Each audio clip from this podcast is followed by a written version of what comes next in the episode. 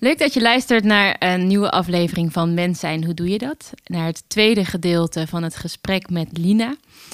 Ehm, ja, ze heeft verteld over uh, onder andere haar afstudeerscriptie. En uh, ja, dat heeft ons enorm aan het denken gezet over uh, hormonale anticonceptie. En um, ja, we hopen dat het jou ook zou inspireren. En veel luisterplezier.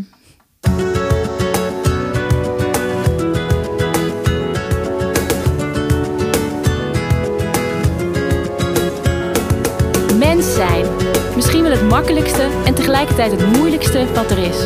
Hoe doe je dat? Ja, we hebben het nu uh, al een beetje gehad over uh, hoe jij uh, vroeger was, je vrije schooltijd, je middelbare school. Um, nou ja, Mexico. Hoe lang ben je daar eigenlijk geweest? Drie maanden, zei je? Ja, tweeënhalf. Oh, ja. Maar ik zou daar dus vijf maanden blijven. Oh, door corona moest corona. Ja, oké. Okay, okay. ja. ja, en, en hoe is het nu met je? Wat doe je nu? Wat houdt je nu bezig? Ja. Um, ja, nu gaat het goed. Zoals je weet ga ik maandag mijn scriptie inleveren. Dus wel een spannende tijd. Waarover um, gaat je scriptie? um, het gaat over de invloed van hormonale anticonceptie op ja, de gebruikers eigenlijk. Op de vrouwen dan. Ja. Van Oh, wacht, ik zei het helemaal niet goed. Wel. De invloed van hormonale anticonceptie op de kwaliteit van leven van vrouwen. Dat is eigenlijk het totale plaatje. En dan de pil of ook een spiraal? Ja, alles, alles. eigenlijk. Ja. Oké. Okay. Dus hormonale conceptie, wat de invloed daarvan is op de kwaliteit van leven van, van de, van gebruikers. De gebruikers. Dus van de vrouwen die dat uh, gebruiken. Ja. Dus of ze daar last van hebben, of ze het, ja. Uh, ja, of je kan belemmeren in je nou, leven. Ja, ik heb dat onderwerp wel gekozen van een, vanuit een hele persoonlijke reis eigenlijk. Omdat um, ik had, toen ik 14 was, begon ik aan de pil door menstruatieklachten. En ik weet nog dat ik naar de huisarts ging. Volgens mij wist ik al wel van, oh, als ik nu naar huisarts ga, dan krijg ik sowieso de pil mee. Want dat was zo'n beetje het standaard riedeltje. En dus we gingen dat doen en ik kreeg meteen de pil mee. En ik weet nog dat mijn moeder ook al zei van, oh ja, zou je dat wel doen, al die hormonen of zo. Maar ik dacht, ja, dat is gewoon volgende stap naar vrouwelijkheid, naar volwassen worden of zo, want iedereen doet dat of zo. En het was gewoon niet eens per se voor anticonceptie, maar gewoon voor menstruatieklachten, want iedereen deed dat. Um, en toen heb ik denk ik zes, zeven jaar de pil geslikt. En toen hoorde ik al steeds meer verhalen van negatieve bijwerkingen.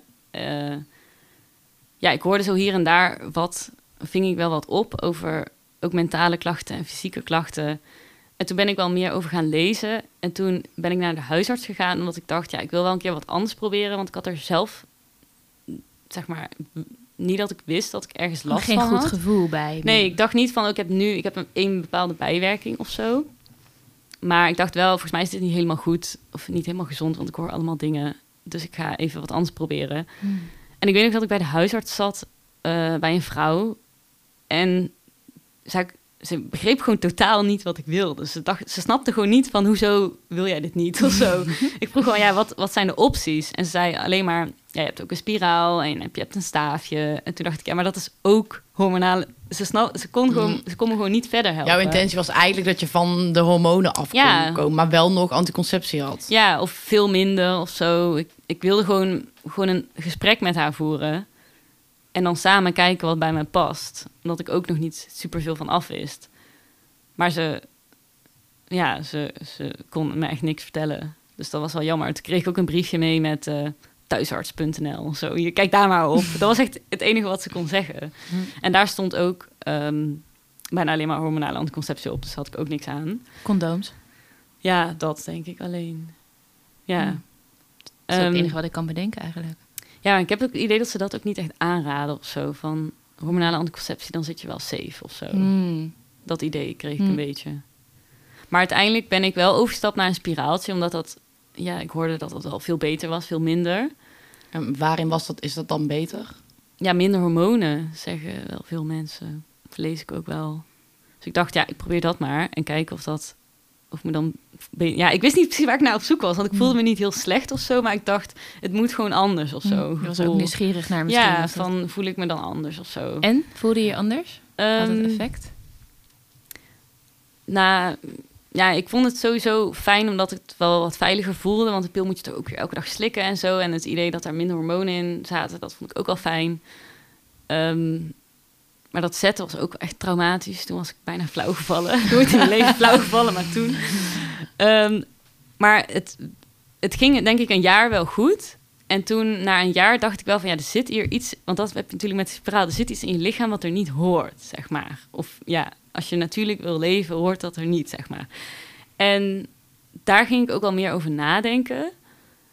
Ehm, en verder had ik ook niet per se ergens last van. Maar ik ging weer nadenken na anderhalf jaar van... oké, past dit nog bij Mhm. mij of zo? Ehm, en ik hoorde wel om me heen ook steeds meer eigenlijk negatieve verhalen ook weer. Mhm. Ehm, en toen had ik ook nog een vriend op dat moment. En eh, mijn libido was ook echt helemaal weg. Gewoon echt weg. Mhm. En toen dacht ik, oh, dat komt denk ik wel door die spiraal. Dus dat is dan wel een bijwerking. Ehm, Want welke negatieve verhaal heb je nog meer gehoord over een spiraal? Je zei, ik hoorde wel... Ehm, ja, vooral over het algemeen gewoon hormonale anticonceptie. Dus de pil en spiraal hoorde ik wel verhalen. Of las ik dan artikelen over mensen die depressief waren geworden... of angstaanvallen kregen of ehm, heel erg aankwamen. Ja, zowel mentaal als fysiek hoorde ik wel dingen. Of acne kregen. Echt van alles wat, eigenlijk. Hm. Gewoon niet lekker stemmingswisselingen... of niet weten, je emoties niet goed kunnen aanvoelen... En daar ging ik ook wel over nadenken. Dat ik dacht, oké, wat ik dan net vertelde over die hoogsensitiviteit en Mhm. dat voelen waar je behoefte aan hebt. Dat dacht ik, misschien heeft dat ook wel indirect een beetje met die spiraal te maken. Dat het allemaal een beetje onderdrukt wordt of zo. En dat kan Mhm. natuurlijk tussen je oren zitten, maar ik ging daar wel heel veel over Ik nadenken. was wel nieuwsgierig naar van, oké, god, hoe zou het zijn ja, zonder? Mhm. ja, en ik had toen ook net... het speelde wel meer, want ik kwam toen net uit, Cura- eh, Curaçao, uit Mexico dus, eh, door corona. Dus er was al wel geen leuke situatie en daar baalde ik ook wel van. En daar zat ik ook wel mee. Dus ik dacht, oh, misschien komt het ook wel omdat ik niet zo lekker in mijn vel zit. Ehm, dat ik dan terug moest komen naar Nederland. Ehm, en heel de coronasituatie natuurlijk. Dus ik ging daar... Ik vond het wel lastig om aan te voelen. Dus ik heb daar ook wel echt weer een half jaar over zitten twijfelen. Mhm. En bij mij is altijd, dat zag kwam ook wel in die coaching naar boven, als ik iets niet weet, dan weet ik het ook gewoon niet, maar dan moet ik ook gewoon wachten en op een gegeven moment dan is het er of zo. En ik wil het dan heel graag wel meteen weten en meteen oplossen, maar dan kost het gewoon even tijd voordat het soort van zakt of zo. Mhm. Ehm, en uiteindelijk dacht ik ook wel van... ehm, ja, als ik die eruit haal, wat dan? Ehm, en uiteindelijk dacht ik van... Oké, ik ga hem gewoon uithalen. Eh, en dan zie ik wel, want ik kan toch altijd weer opnieuw... Eigenlijk is de keuze ook niet zo moeilijk, want je kan altijd weer beginnen met iets natuurlijk. Ehm, dus uiteindelijk heb ik hem toen eruit gehaald. Oh ja, ik, daarvoor had ik dus nog een boek gelezen, de cyclusstrategie. Ik weet niet of je daar ooit van hebt gehoord. Nee. Maar toen, toen ik dat heb gelezen, toen was mijn keuze echt gewoon heel duidelijk. Want- Vertel. ja, het is geschreven door ehm Macy Hill. En zij is ook een soort van expert in acupunctuur, maar ook ehm, een soort hormoonklachten. En volgens mij is ze wel heel breed opgeleid. En zij vertelt in dat boek echt precies sowieso wat de effecten zijn van hormonale anticonceptie op je hersenen en gewoon je cyclus. En zij vertelt dan ook per fase ehm, van de menstruatiecyclus van oké, als je ongesteld of ongesteld, dat is ook weer zo'n negatief woord, dat je niet gesteld bent als je menstrueert Mhm. dan, ehm, dan is dat je winter, zeg maar. Want dan ben je naar binnen en teruggetrokken. En dan, dan is ook zo'n soort van moment voor bezinning. En dan, dan kom je in je lente, dus richting dat stukje tussen je menstruatie en je ovulatie. En dan eh, ben je blijkbaar veel creatiever en dan begin je een beetje op te bloeien. Weet je, wel. dan kom je uit je cave. Mhm. En dan ga je dus wat meer ja, sociale mensen opzoeken of sociale situaties. En rond je ovulatie zit je echt op het toppunt. Eh, want je biologie wil natuurlijk dat je gaat voorplanten. Dus je bent heel sociaal en je vindt het leuk om onder mensen te zijn. Je hebt superveel energie. Eh, dus dan zit je echt op een soort van piek. En daarna ga je dus weer richting je menstruatie. En dat is dan je herfst. Eh, ovulatie is dan natuurlijk je zomer. En de herfst is dan weer ook weer richting een stukje reflectie. En dan ga je wat meer... Je lichaam weet dan bijvoorbeeld nog niet dat je niet zwanger bent. Want misschien is er dan een eitje bevrucht. Dus dan ga je veilige situaties opzoeken. Dus vriendenkringen, vrouwen onder elkaar Mm. of zo. En ehm, daar kan je dus ook die cravings van krijgen. Omdat je denkt, die embryo moet gevoed worden. Dus dan kan je dus zin krijgen in eten. En zulke dingen leer je dan allemaal hoe dat werkt en welke hormonen daarin spelen en hoe je emoties en energie daarin werken. Dus hoe je ook op je productiviteit kan zitten van, oh, rond je ovulatie, daar kan, dan kan ik meer uren maken, want dan Mm. hou ik dat langer vol. Met je menstruatie is wel goed om, je lichaam is letterlijk soort van dingen aan het loslaten, letterlijk Mhm. en figuurlijk. En dat is dus ook een moment om emoties los te laten en dingen van je af te schrijven, bijvoorbeeld. Ehm, ja, dat, en zij legt dat ook echt uit, want het klinkt nu best wel ook, niet per se zweverig, maar wanneer je wat moet doen met emoties. Maar ze legt het ook wel echt uit hoe dat fysiek in je lichaam werkt. Ja. En dat hele plaatje, dat- ja, daar werd ik zo enthousiast van. Ja. Maar ook heel boos. Dat ik dacht, waarom weten wij vrouwen dit niet? Ja. Waarom wordt dit dan bij Ja. huis als niet verteld Waarom en niet- uitgelegd hoe de cyclus werkt? Bij ja. biologie vertellen mensen gewoon... Ja, je wordt ongesteld. jij wordt ongesteld en dat is niet fijn, want je gaat bloeien en dan ben je humeurig Ja, of zo. ja wordt best wel, dat ja, kut. wordt best wel negatief verteld eigenlijk. En daardoor gaan vrouwen denk ik ook ehm, gewoon hun menstruatie haten. Ja. En hier in dat boek leer je weer dat dat wel weer iets moois is. En dat Ja. heet de En- cyclusstrategie. Ja, Dus ze, zij zegt eigenlijk ook van een strategie komt bij mij ook binnen als dat je er ehm, keuzes in maakt of Ja. zo. Zodat je het dus in je voordeel kunt gaan gebruiken. Zoals ik jou ook nu ook hoor Ja. zeggen. ja leven Ja. naar je cyclus, inderdaad. Ja. Dus toen ben je, heb je toen je spiraal eruit gehaald en heb je toen gezegd van oké, ik ga proberen naar mijn cyclus te Ja. leven. ja, echt? Oh, wauw. Ja, zoiets inderdaad. Want even, Neem ons kan je, ja, kan je überhaupt met een spiraal, kan je dan naar je cyclus leven? Want eh, ja, ik heb dan persoonlijk heb ik ook een spiraal en ja, ik word niet meer ongesteld, dus ik zou begot niet weten wanneer Nee. mijn ovulatie is. En Oh, ja. Ja, precies. is dat Ehm, mogelijk met, of moet je daarvoor geen hormoniale anticonceptie hebben? Lekker Eh, woord ook voor je script. Ja, ook zo'n lange zin. Ik zei het net ook drie keer fout. Ehm, ja, ligt er een beetje aan wat je dan gebruikt. Maar met een hormoonspiraal en de pil, dan wordt ovulatie vaak wel onderdrukt. Dus dan, daarom word je natuurlijk ook niet zwanger, omdat dat al die veel processen tegenhoudt. Ehm, dus dan heb je in principe ook geen cyclus. Ook met de pil, als je, als je die stopweek hebt. Heel veel vrouwen denken dat ze een menstruatie krijgen, maar dat is helemaal niet zo. Dat is gewoon een soort nepbloeding ja. omdat die mannen die dat bedachten, ik denk dat het mannen zijn, die dachten, die dachten, Die haat ook die daarin zit. Oh, Eerlijk. nee, die dachten, oh, we geven die vrouw nog een bloeding, want dan denkt ze dat ze een cyclus heeft en dan voelt ze zich gewoon beter, want dat is wat bij een vrouw hoort. Nee? Zo is dat, dat is echt totaal onnodig blijkbaar. Echt? Die, die bloeding. niet. Dat is ook niet om je lichaam op te schonen of zo.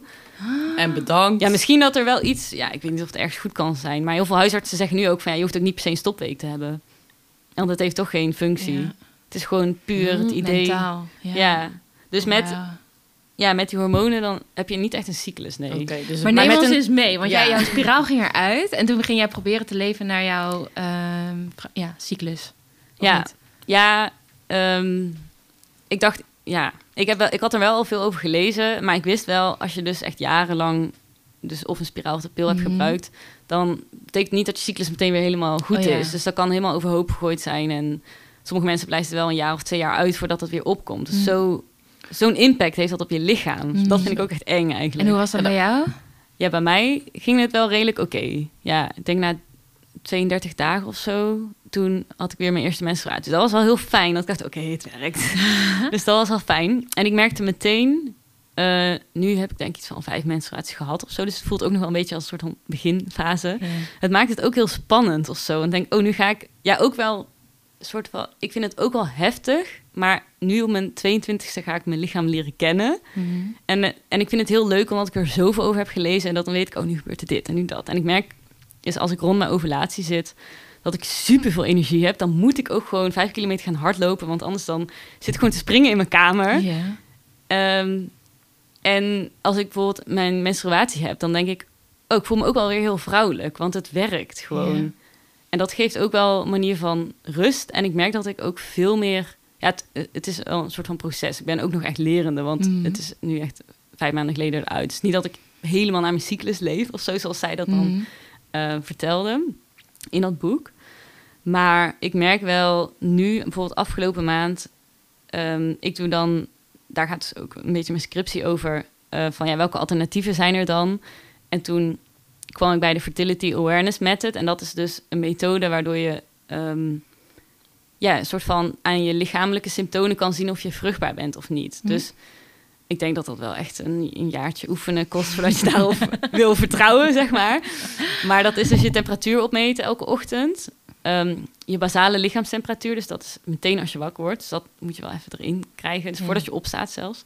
Want dat zou jij wel Ehm, willen, uiteindelijk. Ja, Dat je Ja. echt zo naar je lichaam niet- kan luisteren... Ja. dat je dus zelfs kan voelen en kunt weten of je vruchtbaar bent of precies. niet. Dus als je dat dus als vrouw heel goed kan en doet... Mhm.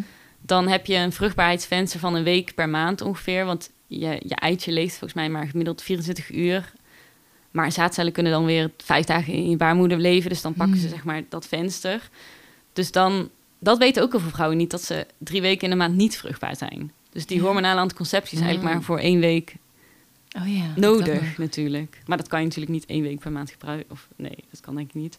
Ja. Maar die methode is dan lichaamstemperatuur en ehm is ook je baarmoederhalsslijm. Dus dat als afscheiding wordt het ook wel genoemd. Dat wordt echt als iets super vies gezien eigenlijk. Ja. Dat is ook weer echt een taboe. Net als de menstruatie eigenlijk. Maar dat kan je dus ook aan de ja, structuur en hoe waterig het is. En ja, daar heb ook een hele studie van. Dan kan je dus ook zien eh, of dat van kwaliteit is om die Mm. zaadcellen te vervoeren naar die baarmoeder. Dus per cyclus of per fase is dat ook weer anders. En zo heb je een paar Mhm. van die symptomen waaraan je dat dus kan lezen en Ja. zien. En dus opschrijven in een app of een boekje, eh, bedoel ik. Eh, daar heb je ook weer allemaal merken voor Maar tegenwoordig. doe je dat ook zelf? Hou je ja, ik dingen heb bij?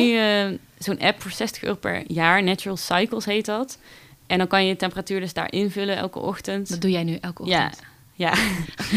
en dan kan je daar ook je emotie aangeven en notities. En dat, soort- je kan alles invullen. Ehm, maar die app die berekent wel alleen temperatuur. En als je een temperatuur shift krijgt, dat betekent dus, ja, even heel kort gezegd, als dat Mhm. dus een tijdje. Eerst is dat best wel laag. En als het dus omhoog schiet en dan wat langer hoog is, dan betekent dat dus dat je ovulatie hebt gehad. Hm. Dus dat rekent wel in het verleden terug. Dus dan pas weet je eigenlijk dat je geovuleerd hebt.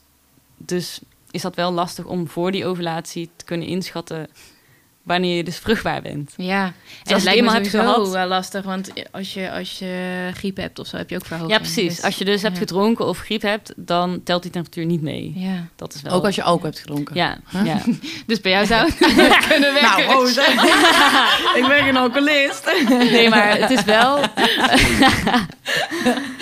Eh, ik, zie- ik hoor jou van bijna denken, nou oké, die app is niet voor Ja, mij. ja. zitten. Maar dat denkt dus... Dat zegt, iedereen die zegt al, oh nee, ja, dan laat maar.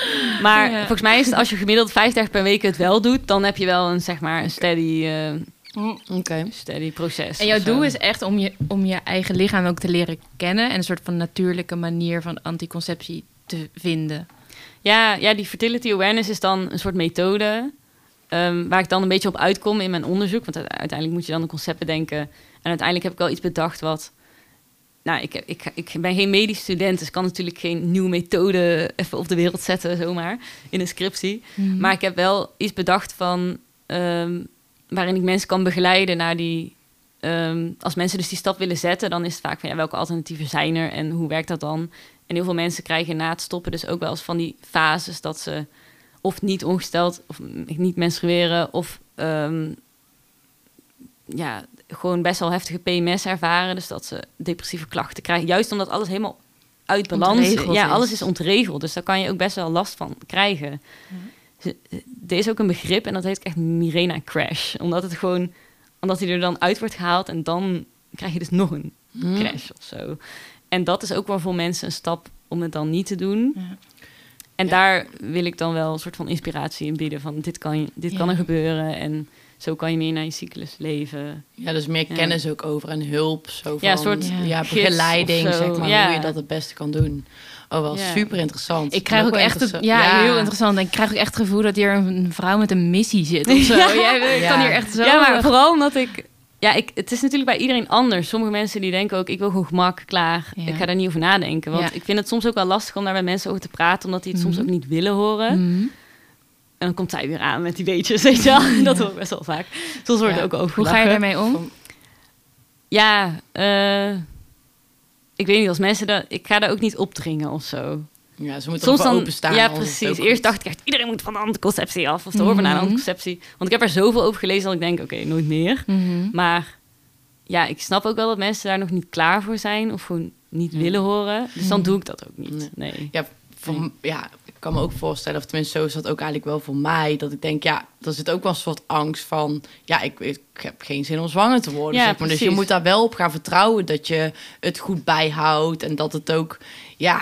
Ja, ja precies. Dat je is ook wat iedereen tegenhoudt. Ja, van Ja. ja. stel nou dat. Dan denk ik, nou ja, weet je, dan maar gewoon een spiraal. Natuurlijk is het dan ook niet 100% Ja. zeker. Maar dan is het in ieder geval zekerder dan dat ik er echt op moet gaan vertrouwen dat ik goed mijn cyclus bijhoud. En eh, ja, dus niet op een dronken avond, eh, bij wijze van spreken. Ja. eh, Ja, vind dat snap ook- ik heel goed. En ik vind het ook wel interessant dat jij zegt, eigenlijk vanuit jouw eigen nieuwsgierigheid en een bepaald gevoel wat je had bij die anticonceptie die jij slikte of in je spiraal had zitten, dat je daar een gevoel een nieuwsgierig werd van hoe zou, wat zijn de alternatieven. En ik denk Hm. dat er heel veel vrouwen eh, rondlopen die er nergens last van hebben en denken ik, ik, doe, ik leef Ja, leven. denken dat ze nergens last van Ja, hebben. precies. Dat, Ja. is, ook, dat Ja. is eigenlijk ook een beetje mijn verhaal. Ik had, ik ken zoveel horrorverhalen van mensen die depressief werden van anticonceptie. en zo, Maar ik had eigenlijk niet direct ergens last van. Ik ben ook niet gestopt omdat ik gewoon echt heel bad daarop ging of zo. Maar daarom vind ik mijn verhaal juist ook wel belangrijk. Omdat ik ook die persoon was die eigenlijk alles prima vond met hormonale anticonceptie. En niet, ja, ik was juist die persoon.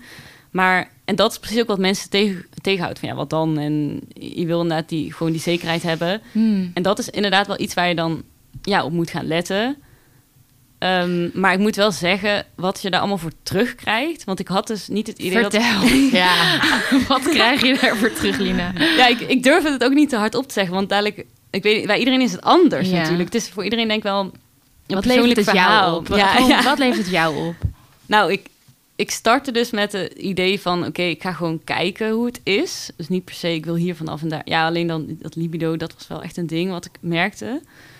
Eh, maar ik merkte wel dat ik dus heel lastig vond om mijn behoeftes aan te voelen. En ik vond alles prima. Dus ik was niet heel ongelukkig, maar ook niet echt dat ik super gelukkig... Het was allemaal een beetje neutraal.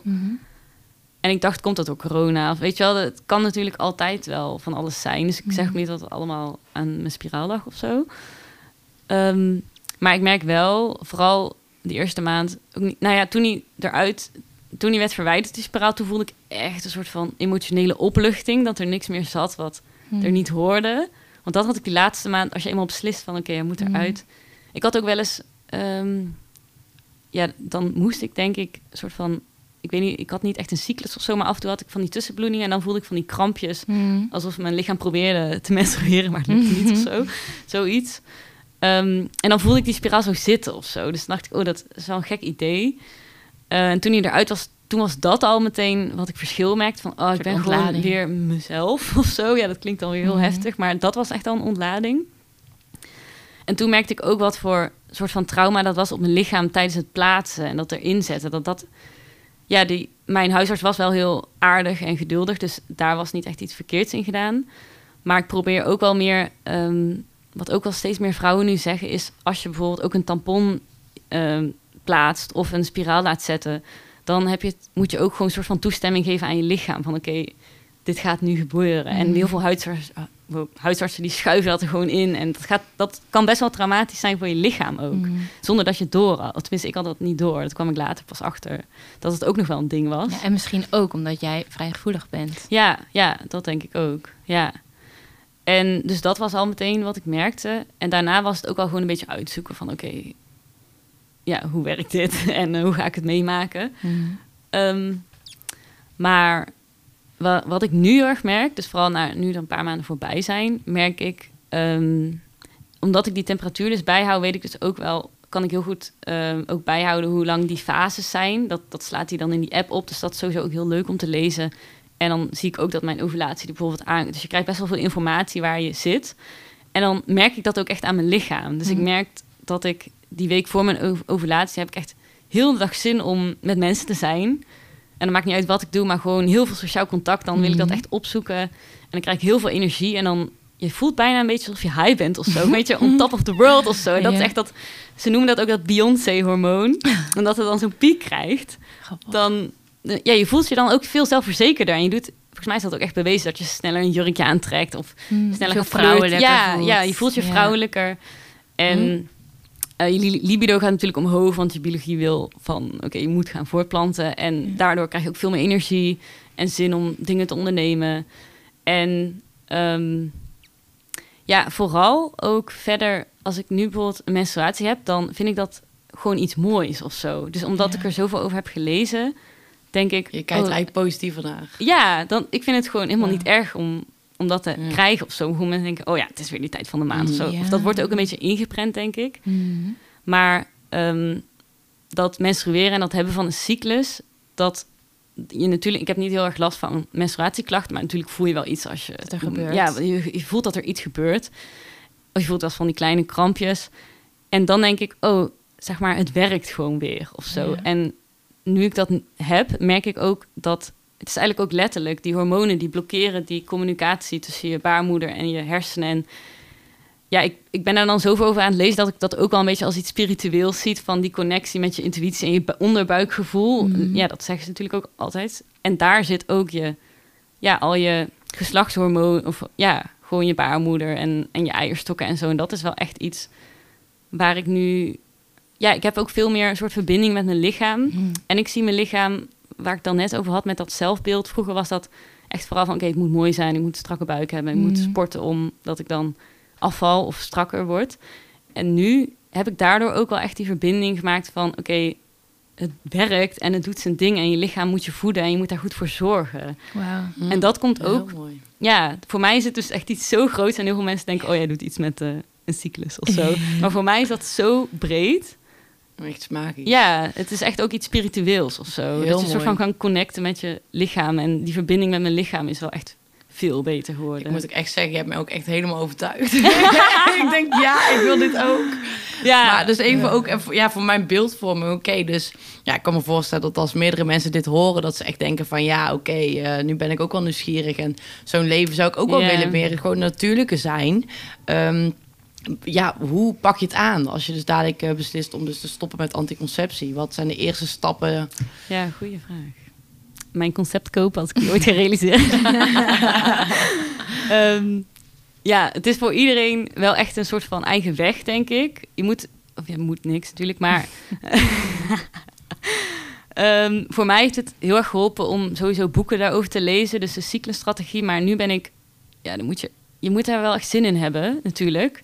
Want sommige mensen... Maar dan is het ook niks voor jou, denk ik. Als je er niet in Mm. wil verdiepen, als je daar niet de tijd voor wil nemen...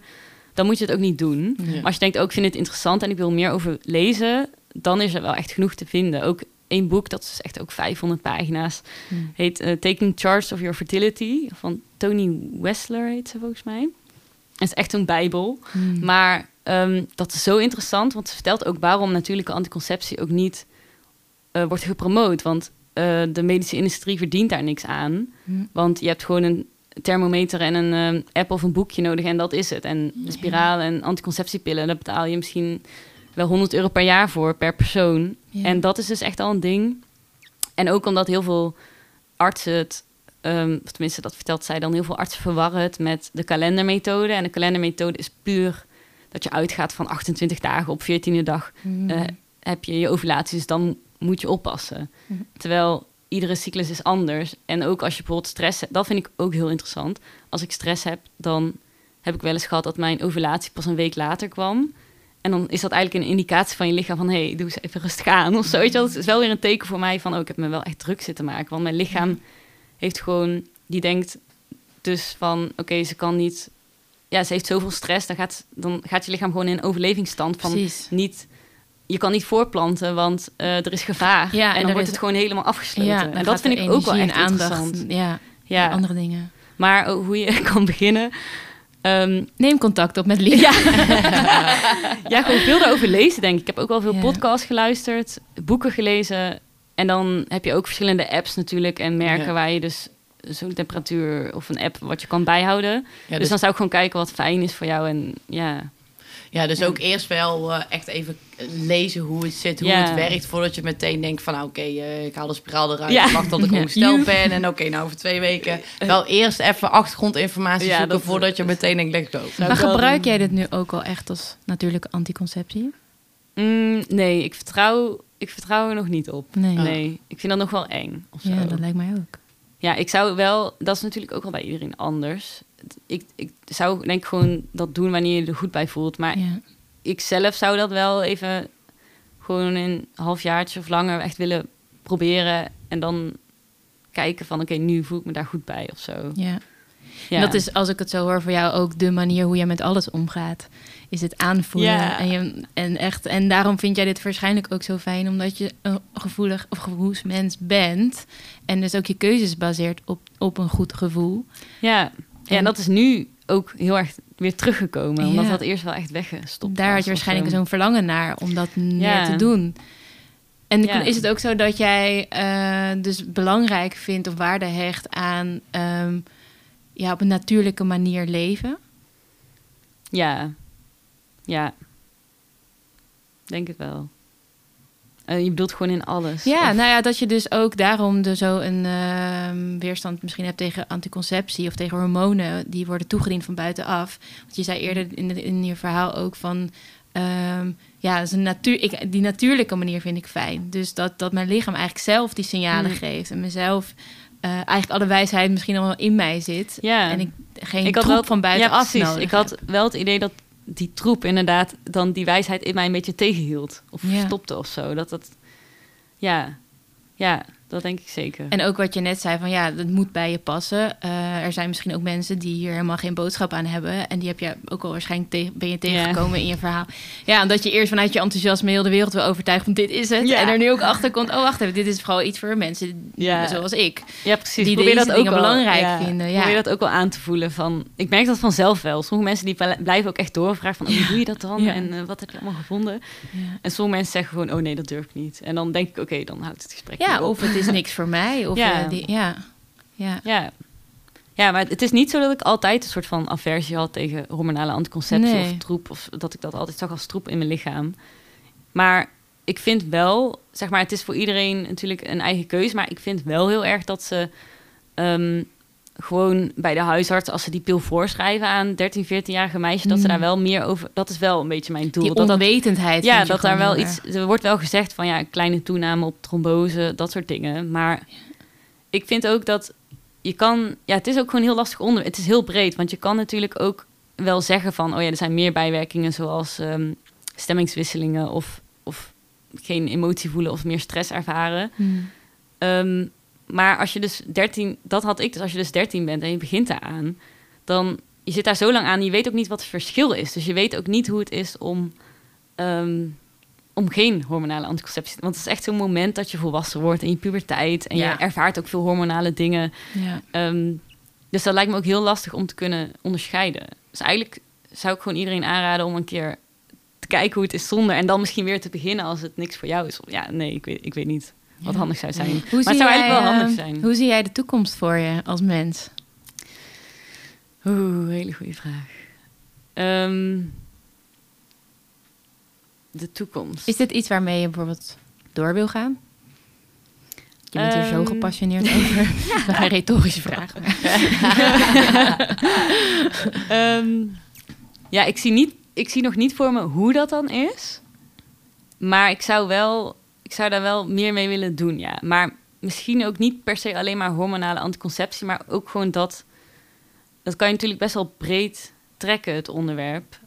Misschien ook gewoon natuurgeneeskundig iets of zo. Dat vind ik ook wel heel interessant.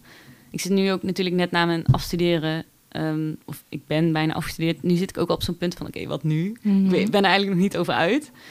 Ehm, dus ik denk dat dat vooral over een paar maanden komt van... oké, wat wil ik hier dan mee? Of wil ik hier nog verder mee? Ik vind mijn opdrachtgever, Cycle Seeds, wel echt... dat is wel een heel groot voorbeeld voor mij. Zij is natuurlijk wel heel erg op ehm, alles wat met cyclus te maken heeft. Maar zij, en dat vind ik wel echt heel mooi aan haar... als je bijvoorbeeld haar Instagram opent... dan denk je, oh, zij doet iets met... tenminste, dat ga ik vanuit... Dat, je krijgt vaak een indruk van... oké, die doet iets met menstruatiecyclus... Eh, dat is wel iets fysieks ehm, en iets met gezondheid, hormonen of zo. Maar zij trekt het zo, als je dan een beetje doorleest, dan zie je dat ze het zo breed trekt. Zij, heeft ook wel eens een keer tegen mij gezegd van hoe wij met ons lichaam omgaan is ehm, een weerspiegeling van hoe wij met de wereld omgaan. En dat ik, ik zie zeg maar dat ehm, ja, bijvoorbeeld met hormonale anticonceptie vind ik dan een voorbeeld van troep in je lichaam stoppen. En dat doen we ook met de wereld. En dat vind ik ook, ja, ik, ik kan het zelf heel breed trekken, ook met prestatiemaatschappij. En wij hebben het daar ook wel eens, volgens mij met z'n allen wel over gehad, over dat eh, constant groeien en prestatiegericht en lineair. En leven naar je cyclus of een menstruatiecyclus hebben is ook weer cyclisch. En ja, net als duurzaamheid is ook weer circulair. En dat vind ik, ik vind het gewoon allemaal, past gewoon allemaal in het plaatje. En daarom vind ik het zo interessant. En voor sommige mensen is dat misschien iets te spiritueel of iets te vaag concept of zo. Maar ik zie dat gewoon echt, voor mij is het echt heel duidelijk dat dat het is. of Zo. Mooi. Mm. Ja, en daar. Dus ik zou niet per se iets willen met hormonale anticonceptie of zo, van dat is het of zo. Hmm. Maar wel met die gedachte, daar zou ik wel iets mee willen. Maar in welke vorm? Geen idee. Zo natuurlijk en puur. Als jullie op eh, ideeën komen. Ja. ja, wel heel mooi hoor. Ik, eh, hoe je er ook over praat, het is wel Mm. ehm, ja, vanuit ja, Passie. passie. Ja, zo zo kan je het wel noemen. In ieder geval wel op een, gewoon op een hele... Je weet gewoon heel goed eh, het allemaal woorden te geven en te verklaren. En een ander wel in ieder geval te overtuigen van... hé, hey, zo zie ik het. En Ja. eh, ja, verder doe ermee wat je wil. Ja. En als je het interessant vindt, dan verdiep je erin. En als ja, het niet precies. is... Dat wil ik ook wel inderdaad Ja. duidelijk zeggen. Dat het niet van je moet dit en je moet dat, maar gewoon. Ik vind het wel belangrijk dat mensen er meer over leren en dan zelf die keuze, zelf geïnformeerde keuzes kunnen maken daarin. Ja. Ja, mooi. Ja, ik vind het heel inspirerend. Klinkt het voor jullie ook logisch Ja, of niet? ja zeker Ja, wel. zeker. Ja, en het Heel triggert me ook wel heel erg. Ja. Ik Ja? heb ook een spiraal. En, en wat ik ook wel herken is dat, dat gevoelig wat jij dan... Ik, ik zag net ook helemaal beelden voor me van toen mijn spiraal gezet werd. Toen dacht ik, ik weet nog dat mijn zus zei van... Oh ja, dan moet je gewoon even naar de huisarts en dan is het, het is gewoon een soort prikje. En eh, ze zei ook, eh, daarna ging ik gewoon een biertje drinken in de kroeg. Ja? Oh, Ja, dat kon ik echt niet. Nou, dat zei zij. En dus ik Oh. dacht, oh, oké, nou prima, dan ga ik even. Nou, ik, maar ik had een beetje hetzelfde als jou. Ja. Echt best wel een traumatische ervaring. Wat ik, waar ik ook nooit zo bij stil meer heb gestaan. Dat is nu waar ik nu weer door getriggerd Mm. dacht ik, oh ja, dat was best wel heftig. Ja. Ja, ja, als je daarin gaat verdiepen, dan kan je ook vaak soms krijg je vaak dat inzicht pas van, oh, het was toch wel. Ik dacht toen dacht ik ook nog van, ja, dat moet gewoon. ja. En ik weet nog dat ik dat dat werd gezet en dan zat ik, dan moet je nog even napraten of zo, wat er gewoon zo'n gesprek aangaan van, oké, dit eh, doe even rustig aan en dan krijg je zo'n papiertje mee of zo. Toen zat ik daar en ik had gelukkig al mijn moeder bij, zodat ze kon autorijden, want dacht voor de zekerheid. Sommige mensen stappen daarna op een fiets, dat snap Ja. ik ook echt niet. en toen zat ik daar en ik stond heel snel op en ik dacht, oh ja, het gaat alweer. En toen ging ik zitten en toen trok ik dus wit weg en toen zei mijn huisarts ook ineens van, ga jij anders even liggen? ja en toen viel ik echt bijna van mijn stoel af. Toen moesten ze me echt tillen op, die, op dat bed, zeg maar. En dan mijn benen omhoog gooien, zodat dat bloed terugloopt naar je hoofd. Dat was best wel heftig, ja. Ja, ik had dat ook, ging me bijna van mijn stok hier. Ja, Zo wel heftig dat-. Ja, Ja, maar dat je, dat je zelf aandoet eigenlijk, hè. Dat, ja, dat Ja. vind ik ook echt bijzonder. Ja, mega inspirerend. Ja, Ja. zeker. Ja, en om, eh, om af te sluiten, want eh, het zit er alweer bijna op. We hebben alweer Mhm. anderhalf uur zitten praten. Oh dus ja. ik, eh, maar ehm, ja, dus mens zijn, hoe doe jij dat? Ja, hoe doe je dat? Ehm, moeilijk. Wat is het eerste wat bij je opkomt nu? Mm. Ja, toch gewoon voelen, denk ik. Waar we het net over hadden. Dat is echt iets wat ik nu probeer weer opnieuw te ontdekken. Dat. Dat ik wel lang wegstond. Ik ben ook wel echt iemand die heel erg... kan heel erg overdenken. Dus dat hoofd, ja, overdenken. Ik denk altijd leven hoe, of mensen zijn hoe dat denken. Dat is zeg maar wat ik meestal doe. Maar ik denk dat het antwoord dan bij het voelen zit. Hmm. Dat dat een beetje die tweestrijd is. Wat, een balans tussen Ja. denken en voelen. ja, En dan te voelen van in situaties, wat voel ik nou, wat wil ik nou echt, waar heb ik zelf behoefte aan? eh, Ja, ja. Op- En ik denk dat mens zijn ook gewoon een, gewoon een reis is naar. Het is, er is niet echt één antwoord voor of zo, maar het is gewoon een, een avontuur, een reis, dingen ontdekken, voelen en denken en dan weer voelen en Zijn. zijn. ja, dat. Oh ja, ik kan er nog uren over praten. Maar dat is ook een onderwerp wat ik heel erg vind passen bij dat cyclisch leven, dat zijn in plaats van doen. Maar dat, ja, daar kan ik ook nog wel een uur over. Ja. nou, voor heel erg bedankt Ja. voor al jouw Ja, jullie input. bedankt. Ja. Echt heel, heel inspirerend om naar je te luisteren. ja. Ik heb ook echt weer nieuwe dingen geleerd. Ja. Ja, Ja, oh, ik hing ook echt aan je lippen. Ja. ja, dus Leuk super bedankt. Ik ja. denk dat wij daar- zijn. Ja, ik denk dat we daar nog gewoon een keer een, eh, een aflevering op gaan nemen. Rachel, wat we nou allemaal geleerd hebben van al deze Oh ja, eh, mensen. leuk. Ja, echt wel. Heel erg bedankt. Ja, zeker. En ook ja, voor de luisteraars allemaal bedankt voor het luisteren. We hopen ook dat jullie het interessant interessant vonden om een keer hier iets meer over te horen. Over de cyclus van een vrouw. ook voor mannen denk ik toch nog best wel interessant. En uh, ja, weet je, wij um, horen graag ook wat je ervan vindt. Dus stuur ons een berichtje op Instagram of um, op onze website mensen Uh, ja, want alle tips zijn überhaupt welkom. En uh, ja, wij vinden het alleen maar leuk om te horen als mensen enthousiast zijn. Ja, klopt. Dus uh, ja, bedankt voor het luisteren. Joe.